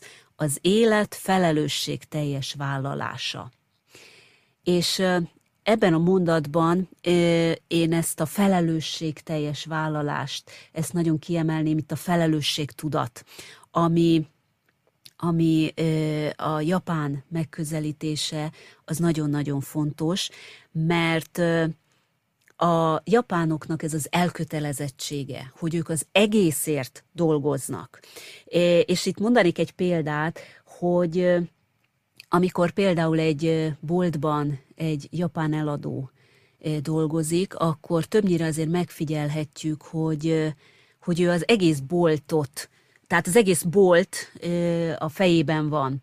Bár többnyire bármit lehet azért tőle kérdezni. Ha nem tudja, akkor rögtön azt fogja mondani, hogy mm, utána néz, vagy megkérdezi, ez az egyik. A másik pedig, mint árukirakó, telefonáló, pénztáros, tehát minden, ami, ami egy boltban szükséges, minden funkciót be tud tölteni. Ez a hozzáállás, ez a véle, ez a szemléletmód, ez egy kicsit, én úgy gondolom, hogy más, mint főképp ez a német, tipik, német típusú szekvenciált felfogás, hogy hát én nekem erre van képesítésem, akkor én ezt csinálom, és csak is ezt csinálom. És gyakran mondják, hogy ugye Németországban, mit tudom én, a sajt árus, az nem mehet két méterrel odébb át a, mondjuk a, a, a kenyeres pulthoz, vagy a, a, a húsos pulthoz, és akkor szolgálhatja ott ki a vásárlót, mert hogy ő a sajtos. Tehát ő neki, ő ezt végezte, és ő neki erre van képesítése, és őt erre vették fel a boltban. És hát ez Magyarországon is megvan, szerintem. Tehát még mindig azért lehet egy olyan szemléletmód Magyarországon, hogy hát engem erre vettek föl, én mást akkor már nem csinálok. Ez hogy van? Változik? Nem tudom, hogy változik-e, de úgyhogy ez, ez szerintem ugyanaz a kategória, hogy a, a, nem szerepel a munkaköri leírásomban. Tehát, hogy teljesen mindegy, nyilvánvalóan mindenki meg tud fogni egy seprűt, vagy oda tud állni egy pult mögé, vagy valami, de hogyha ha nem szerepel az ember munkaköri leírásában, akkor előbb törik le a keze, ő aztán nem. Nem, nem hiszem, hogy ez kifejezetten egy magyar specialitás lenne, de... Ennek nyilván van pozitív oldala is, de e, szerintem, és akkor itt megint egy picit azért visszacsatolva Franklra, hogy hogy azt mondja ő, hogy ugye a minden egyes ember egyedisége egy magasabb rendű egységre, egy emberi közösségre vonatkozóan válik értékessé. Vagyis az egyediség akkor értékes, ha nem öncélú, hanem a közösség szolgálatában áll. Ez is egy, egyik írásában olvasható. És tulajdonképp itt is, ami azt mondanám, hogy hát ez Japánra például nagyon, de nagyon igaz. Hogy ugye nem az egyediség a lényeg, hogy a közösségnek mennyire fontos. És ez annyira jelen van szerintem kisgyerek koruk óta az emberekbe, hát nem azt mondom, hogy beleverik, de bele nevelik. Illetve nem is a nevelés, azt mondanám, hogy a környezet ugye már ilyen, ő is ezt látja, és ebben nő fel. És ennek tényleg a pozitív hatása az az, akkor, amikor itt ugye sokszor kritizálják azt, hogy, hogy itt ugye az emberek hát most nem dolgozik szinte mondjuk a munkahelyén, vagy teljesen béna, nem úgy dolgozik, ahogy kéne, mégis ugye megkapja a fizetését, ugyanannyi fizetését, ha már Európában lenne, biztos kirúgták volna. Nyilván ugye a közösség védi, ezt a védit, ezt most értsük idézőjelbe. Tehát, mert hogy valahol mindenkit, hát, tehát, hogy mindenkinek legyen munkája. De azt akarom ezzel mondani, hogy nem biztos, hogy, hogy az az illető teljesen haszontalan. Mert pontosan ebben az egységben ő egy, ő egy, egy fogaskerék, és kellenek ilyen emberek is. Most ez lehet, hogy nagyon morbidon, morbidon hangzik, de mert hogy az egész, az egész az működjön, ahhoz kell az egyes Ehhez képest az, hogy nincs állami segély, illetve megnehezítik azt, hogy az ember kérjen. Antagonisztikus ország, hogy oké, okay, ezt most valamit nagyon feldicsőítenek, ugyanakkor pedig jó, de hát ez miért van így? Tekintetben nagyon sok, rengeteg ilyen példát lehet mondani, és, és tulajdonképpen ezért más, ezért érdekes, valóban ezért érdekes, de, de működik, tehát egyelőre még működik. Magyarországon olyan értelemben lehetne alkalmazni, hogy tényleg ez a ne csak én. Tehát ez az öncélúság, az, hogy hát ha nekem, nekem legyen jó, vagy én legyek jó ebben, vagy nem tudom, tehát hogy ez a mindig saját magunkat toljuk előre, helyezzük előtérbe, nem biztos, hogy, hogy ez lenne a legjobb. Hát valószínűleg nem az, de Frankölre visszatérve, szerintem neki ez a, a, és megint mondom, hogy nem merített olyan nagyon sokat a haláltáborokból, hogy, hogy erre húzta volna fel a munkásságet, de a kollektív jó, az ott valóban nagyobb szerephez jut, mint az egyéni boldogulása, és a, emiatt is kritizálta akkori hagyományos terápiákat, hogy a túlon túl az egyénre futtatták ki a, a, az egész elképzelést, ő pedig ugye úgy gondolta, hogy mindenkinek van valamilyen saját életcél, de ezt kontextusban kell kezelni, mert hogy különben nincs semmi értelme. És megint csak mondom, hogy nem találta fel a spanyol viaszt, de hát valakinek le kellett írni ezt is. Mindenféleképpen érdekes mű, tényleg szívből ajánlom mindenkinek, már csak azért is, mert maga a tény, hogy egy ilyen helyzetben, mint egy koncentrációs tábor, egy ilyen helyzetben valaki ilyen megfigyeléseket tudjon végrehajtani, és ezeket tényleg le is jegyzi, és, és az, hogy ő maga nem mint laikus, hanem tényleg mint egy, ő egy tudományos hozzáértő volt, aki ezt megtette, már ez szerintem egy egy nagyot nyom alatba, és nagyon, nagyon fontos, értékes mű mindenféleképpen. Függetlenül attól mondom, hogy ha olvassa az ember, felmerülnek, sőt, felmerülnek, nem csak felmerülhetnek, hanem felmerülnek kérdések, így, mint ahogy mi is most erről beszélünk, megvitatandó dolgok, illetve az, hogy talán az, hogy az európai öngyilkosság, hogy is mondjam, gondolkodásmód, az öngyilkosság bemutatása, meg a japán öngyilkosságnak a felfogása az ugye teljesen más, és hogy nem szabad valamiről, egy fogalomról általánosságban gondolkodni azért azt is talán érdemes elmondani, hogy hát most itt Japánban, hogyha belegondolunk, ez egy hobbi, hogy itt most öngyilkosok az emberek. Mert hogy ez egy, ez egy hagyomány, ez egy tradíció. E, ez, ez, ez régmúlt, tehát ez, ez ugye a középkorra nyúlik vissza, aminek megvan hogy is mondjam, a, a, nem azt mondom, hogy jó oldala, ez rossz szó erre, de hogy ennek a kialakulásának a, az okai, stb. stb. Ezt ugye szépen e, át lehet tekinteni, meg lehet érteni, de itt most a probléma az az, ha ezt problémának lehet nevezni, hogy egy társadalomból ezt nem lehet megszüntetni, ezt nem lehet, hiába van az, hogy most 21. század Japán, na de attól még ezek, ezek a gyökerek, mély gyökerek, ezek megmaradnak, megvannak. Tehát az, hogy öngyilkosságot elkövetni, az olyan értelemben, és ez tényleg most nagyon halványan próbálom fogalmazni, olyan értelemben nem akkora bűn, elítélendő, mint Európában. Tehát mondjuk itt például európai vallási oldalról, hogyha nézzük a dolgot. Itt például vallás szempontjában, eleve az, hogy olyan jellegű vallásosság, mint Európában nincs. Azért mondom, hogy itt egy öngyilkos tett, az inkább táplálkozik egy középkori hagyományból, tehát a kötelességtudatból elkövetett öngyilkosság. Itt most tényleg gondolnék arra, hogy Akagi-san, egy Akagi nevezetű ember, aki öngyilkosságot követett el azért, az egészségügyi minisztériumban dolgozott, mert egy kormány botrány közepette, az iratok meghamisításáról volt szó, és tulajdonképpen ő ugye e, nem tudta vállalni azt, hogy valahol hát ő erre rá kényszerült, hogy az iratokat meghamisítsa.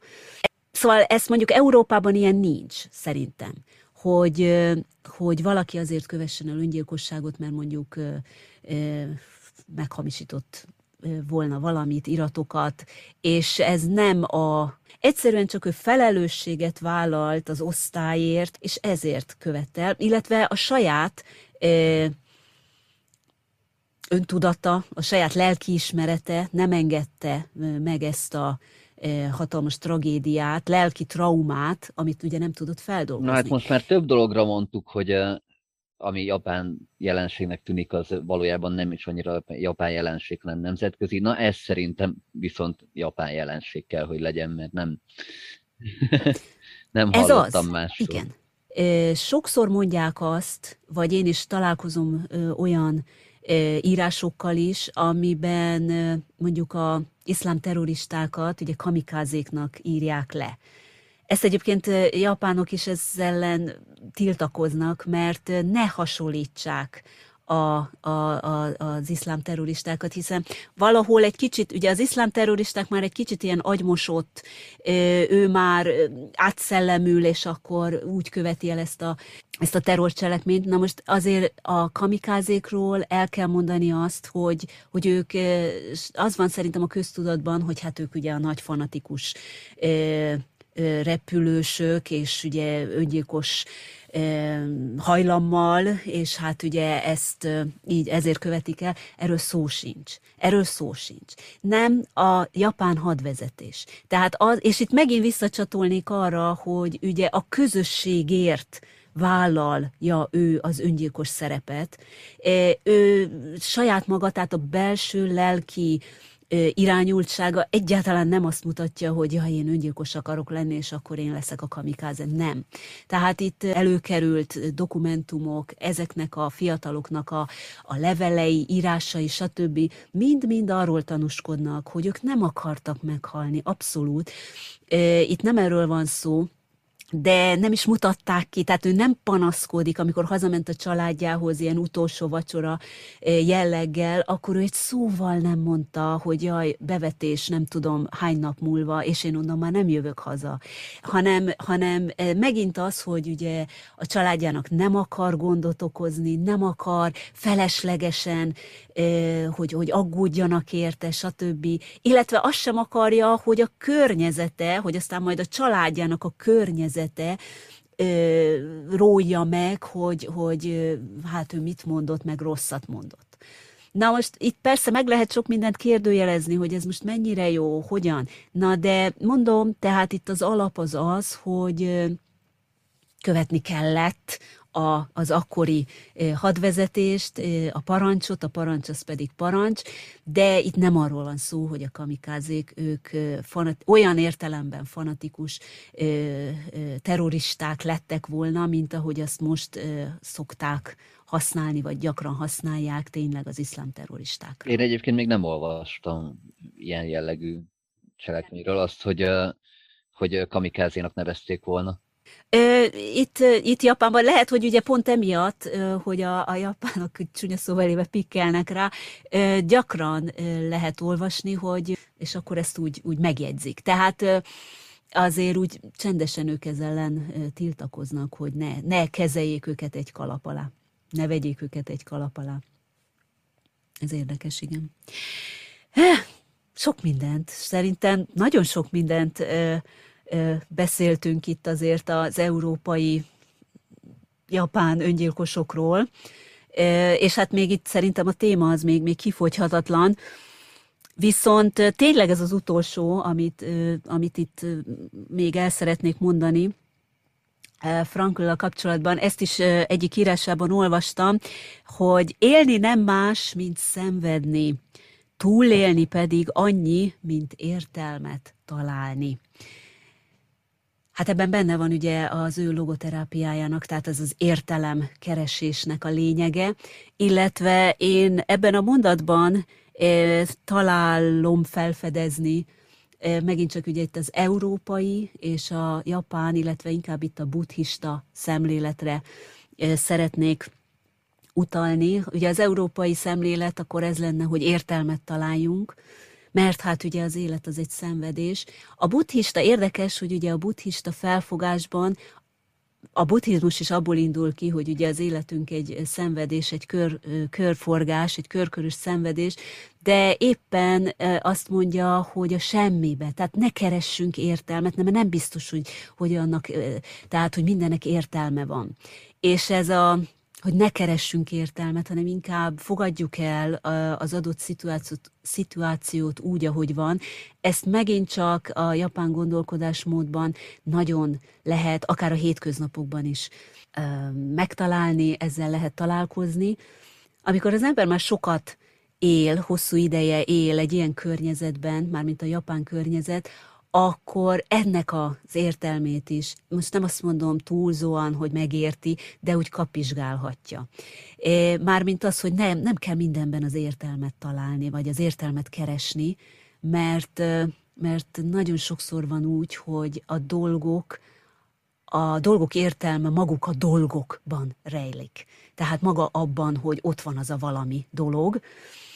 Ezt úgy nagyon elvontam mondva, de az, hogy itt most például, hogy egy viselkedés, tehát valaki a munkahelyen valamit csinál, valamit mondott, és általában Európában szerintem, és hát én magam is ilyen vagyok, gyakran szeretem, hogy na de ezt most miért mondta, vagy miért így mondta, miért így csinálta. Tehát, hogy próbálok benne valami logikát, valami értelmet találni, keresni, nem biztos, hogy ez szükséges. Tehát lehet, hogy ezt el lehet egy olyannal intézni, hogy hát mert most épp ilyen kedve volt. Nem, ne, ő sem gondolta, hogy, hogy valamilyen céllal teszi ezt, vagy céllal mondja ezt. És akkor sokkal könnyebben e, tudunk, saját lelki békéket e, illetően is, e, sokkal könnyebben tudjuk elviselni tényleg az élet megpróbáltatásait. Ádám, egy utolsó kérdés, de tényleg ez az utolsó. Ha önnek Japán eszébe jut, akkor milyen színre asszociál? Nagyon fantázia szegény válaszom van erre az ászló miatt. Piros. Nagyon szépen köszönöm. E, nagyon szépen köszönöm az idejét, e, és ezt a tartalmas beszélgetést. Én bevallom, nagyon, de nagyon élveztem. Nagyon szépen köszönöm még egyszer a beszélgetést. Köszönöm szépen a beszélgetést. Hallottál róla, hogy Japánban? Ez itt a Hallottál róla, hogy Japánban című visszatérő hírmorzsa blokk, a podcasten belül, melyben érdekes, még akár meghökkentő dolgokat, újdonságokat szeretnék röviden bemutatni, amelyekről kizárólag itt, az Ablak Japánra podcastben lehet hallani.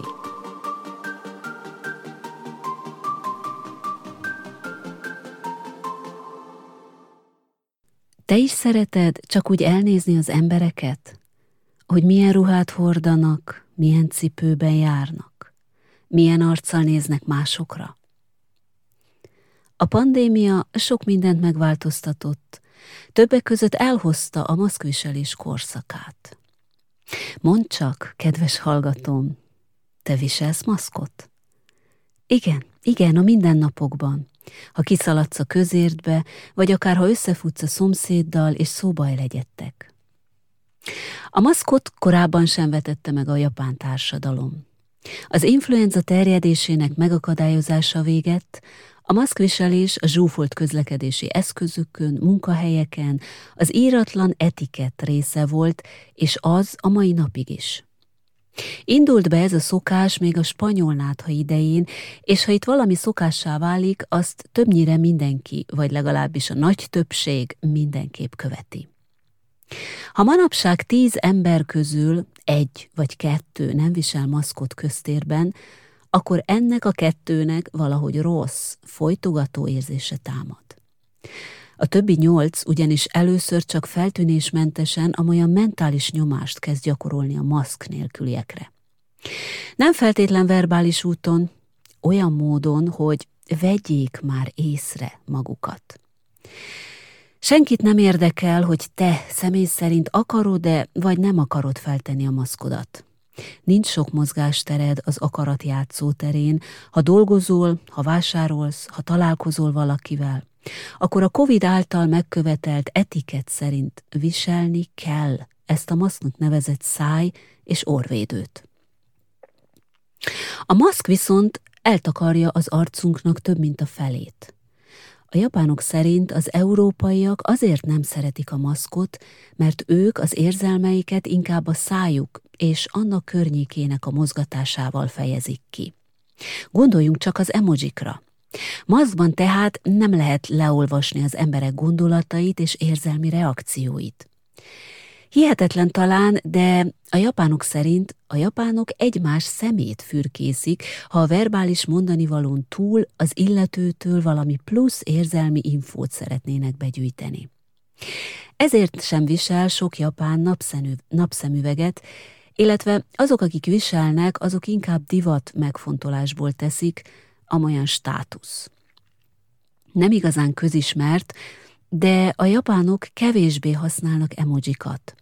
Ők a klaviatúra zárójeleiből, vesszőiből és egyéb jeleiből rajzolnak arcokat, melyeken a szemvariációk fejezik ki a plusz érzelmi töltetet. A fokozott maszkviselés egy másik tényre is ráirányította a figyelmet. Tudtad, kedves hallgatóm, hogy egy emberi arcról kapott benyomás 70%-át a szemöldök határozza meg. Nem én találtam ki, ezt is a japánok mondják. A járvány időszakban itt is megszaporodtak az online meetingek és egyáltalán az online térbe való költözés melynek ugye egyik következménye az, hogy a partnerről szerezhető özbenyomás túlon túl az arcra fókuszál. Nem mindegy tehát, hogy milyen arccal ülünk a monitor elé. Ellentétben Dél-Koreával, ahol még a takarítónéni is plastikai műtétekre jár az emeletek takarítása közben, Japánban viszonylag elfogadják a természet adta kinézetet, viszont sokat adnak a megjelenésre, a jólápoltságra, és persze az kozmetikai arculatra. Magyarán nem hívei a művi változtatásnak, viszont amit egy kozmetikus a saját szintjén meg tud oldani, korrigálni, elsatírozni, azt a kliensek lehetőleg mind meg is kérik. Hát ilyen a szemöldök kinézete is. Ószaka város egyik metró aluljárójában nyílt már vagy két éve egy aprócska üzlet. Szemöldököt igazít fazonra egy fiatal nő. És ha kérik, kifesti még a szemeket is. Mindössze ennyi a portfólió, de szinte mindig telt ház van nála. És hogy kikalkotják a vendégkörét? Hát, vannak a visszatérők, akik, ha már egyszer elkezdték, nem tudnak leállni. Megkövetelik maguktól azt az ideális formát, melynek rabjaivá lettek, így aztán két-három havonta visszajárnak. A másik tábor, és talán ők vannak többen, azok, akik a pandémia egyik hatására vágtak bele. No, nem a szemöldökükbe, hanem erőt vettek magukon, hogy kipróbálják, milyen az, ha egy profi vágja a fazont. Ha már az online tér íratlan szabályává vált a fazonra igazított szemöldök. Ha már egyszer láttam magam másmilyennek az új szemöldökömmel, akkor azt szeretném, hogy mindig ezután is így nézzek ki. Mondja egy közép, középkorú férfi, aki osztályvezetőként szinte minden nap online meetingel. A 40-estől a 60-as korosztályig bizony értelmet nyert a szemöldök karbantartásának igénye. Nem kirívóan persze, csak finoman, de észrevet, észrevehetően ahhoz, hogy a másik lássa, hogy a beszélő ad magára. A megjelenés az apró dolgokra való figyeléssel, és azok karbantartásával kezdődik. A természet adta arcod nem a te felelősséged, az viszont igen, hogy ezt hogyan és milyennek mutatod. Mondja egy 39 éves anyuka, aki az öt és a három éves gyerekei mellett nem igazán tud már magára annyi időt szakítani, ahogy ezt korábban tette. De a szemöldökére mindig talál időt. Mondja mosolyogva. A maszk eltakarja az ember arcának több, mint a felét. Ha azonban a szemed és a szemöldököd jól ápolt, akkor azt fogják gondolni rólad, hogy az egész arcod és te magad is jól ápolt vagy. Érdemes tudni azt is, hogy Japánban a szemöldököt ollóval vágják, esetleg borotvával utókezelik, nem pedig csipesszel tépik. És azt is érdemes tudni, hogy a szemöldök szörzetének megújulása a kor előre haladtával elfásul, amíg fiatalon a kihullott szőrszálak helyett hamar újra nőnek az újak, addig idősebb korban ez a rotáció lelassul, és a meglévő szálak növekednek egyre hosszabbra. Ezért van a Mikulásnak nem csak hosszú bozontos szakálla, hanem hosszú, pödörhető szemöldöke is. Szóval a szemöldök igenis figyelmet érdemel, önbizalmat ad viselőjének, legyen az férfi vagy nő, fiatal vagy öreg, alkalmazott vagy vállalatvezető. És majdnem elfelejtettem megemlíteni azt a nagyon vékony és keskeny harmadik réteget, amelyből viszonylag sokan térnek be a profi szemöldökvágó miniszalomba. Ők pedig nem mások, mint az átutazók. Üzleti vagy turista úton járnak Ószakában, és épp a kis szalon előtt sétálnak el. Kipróbálják, milyen érzés pár perc alatt megújulni, egy más arcot felfedezni. Ez az ő lázadásuk a maszk ellen. És ugye az ember, ha úton van épp, akkor szeret szokatlan dolgokat kipróbálni. A mindennapi szürkeségből és a maszk függőségéből kioldódni. Te, kedves hallgatóm, aki hallgatod ezt a podcastet, mikor néztél utoljára kissé kritikusabban a szemöldökedre? Vajon belefáradtál már te is az utóbbi idők történéseibe? Tedd fel magadnak a kérdést, és nézz tükörbe. Merj álmodni magadnak egy vonzóbb arcot, egy formás szemöldökkel, és főleg merd megmutatni másoknak is a megálmodott arcodat. Japánban nem az a szégyen vagy szégyellőség, ha megteszed, hanem az, ha nem. Ez volt már a hírmorzsablok, a legközelebbi hírekig minden jót minden kedves hallgatómnak, és köszönöm a megtisztelő figyelmet.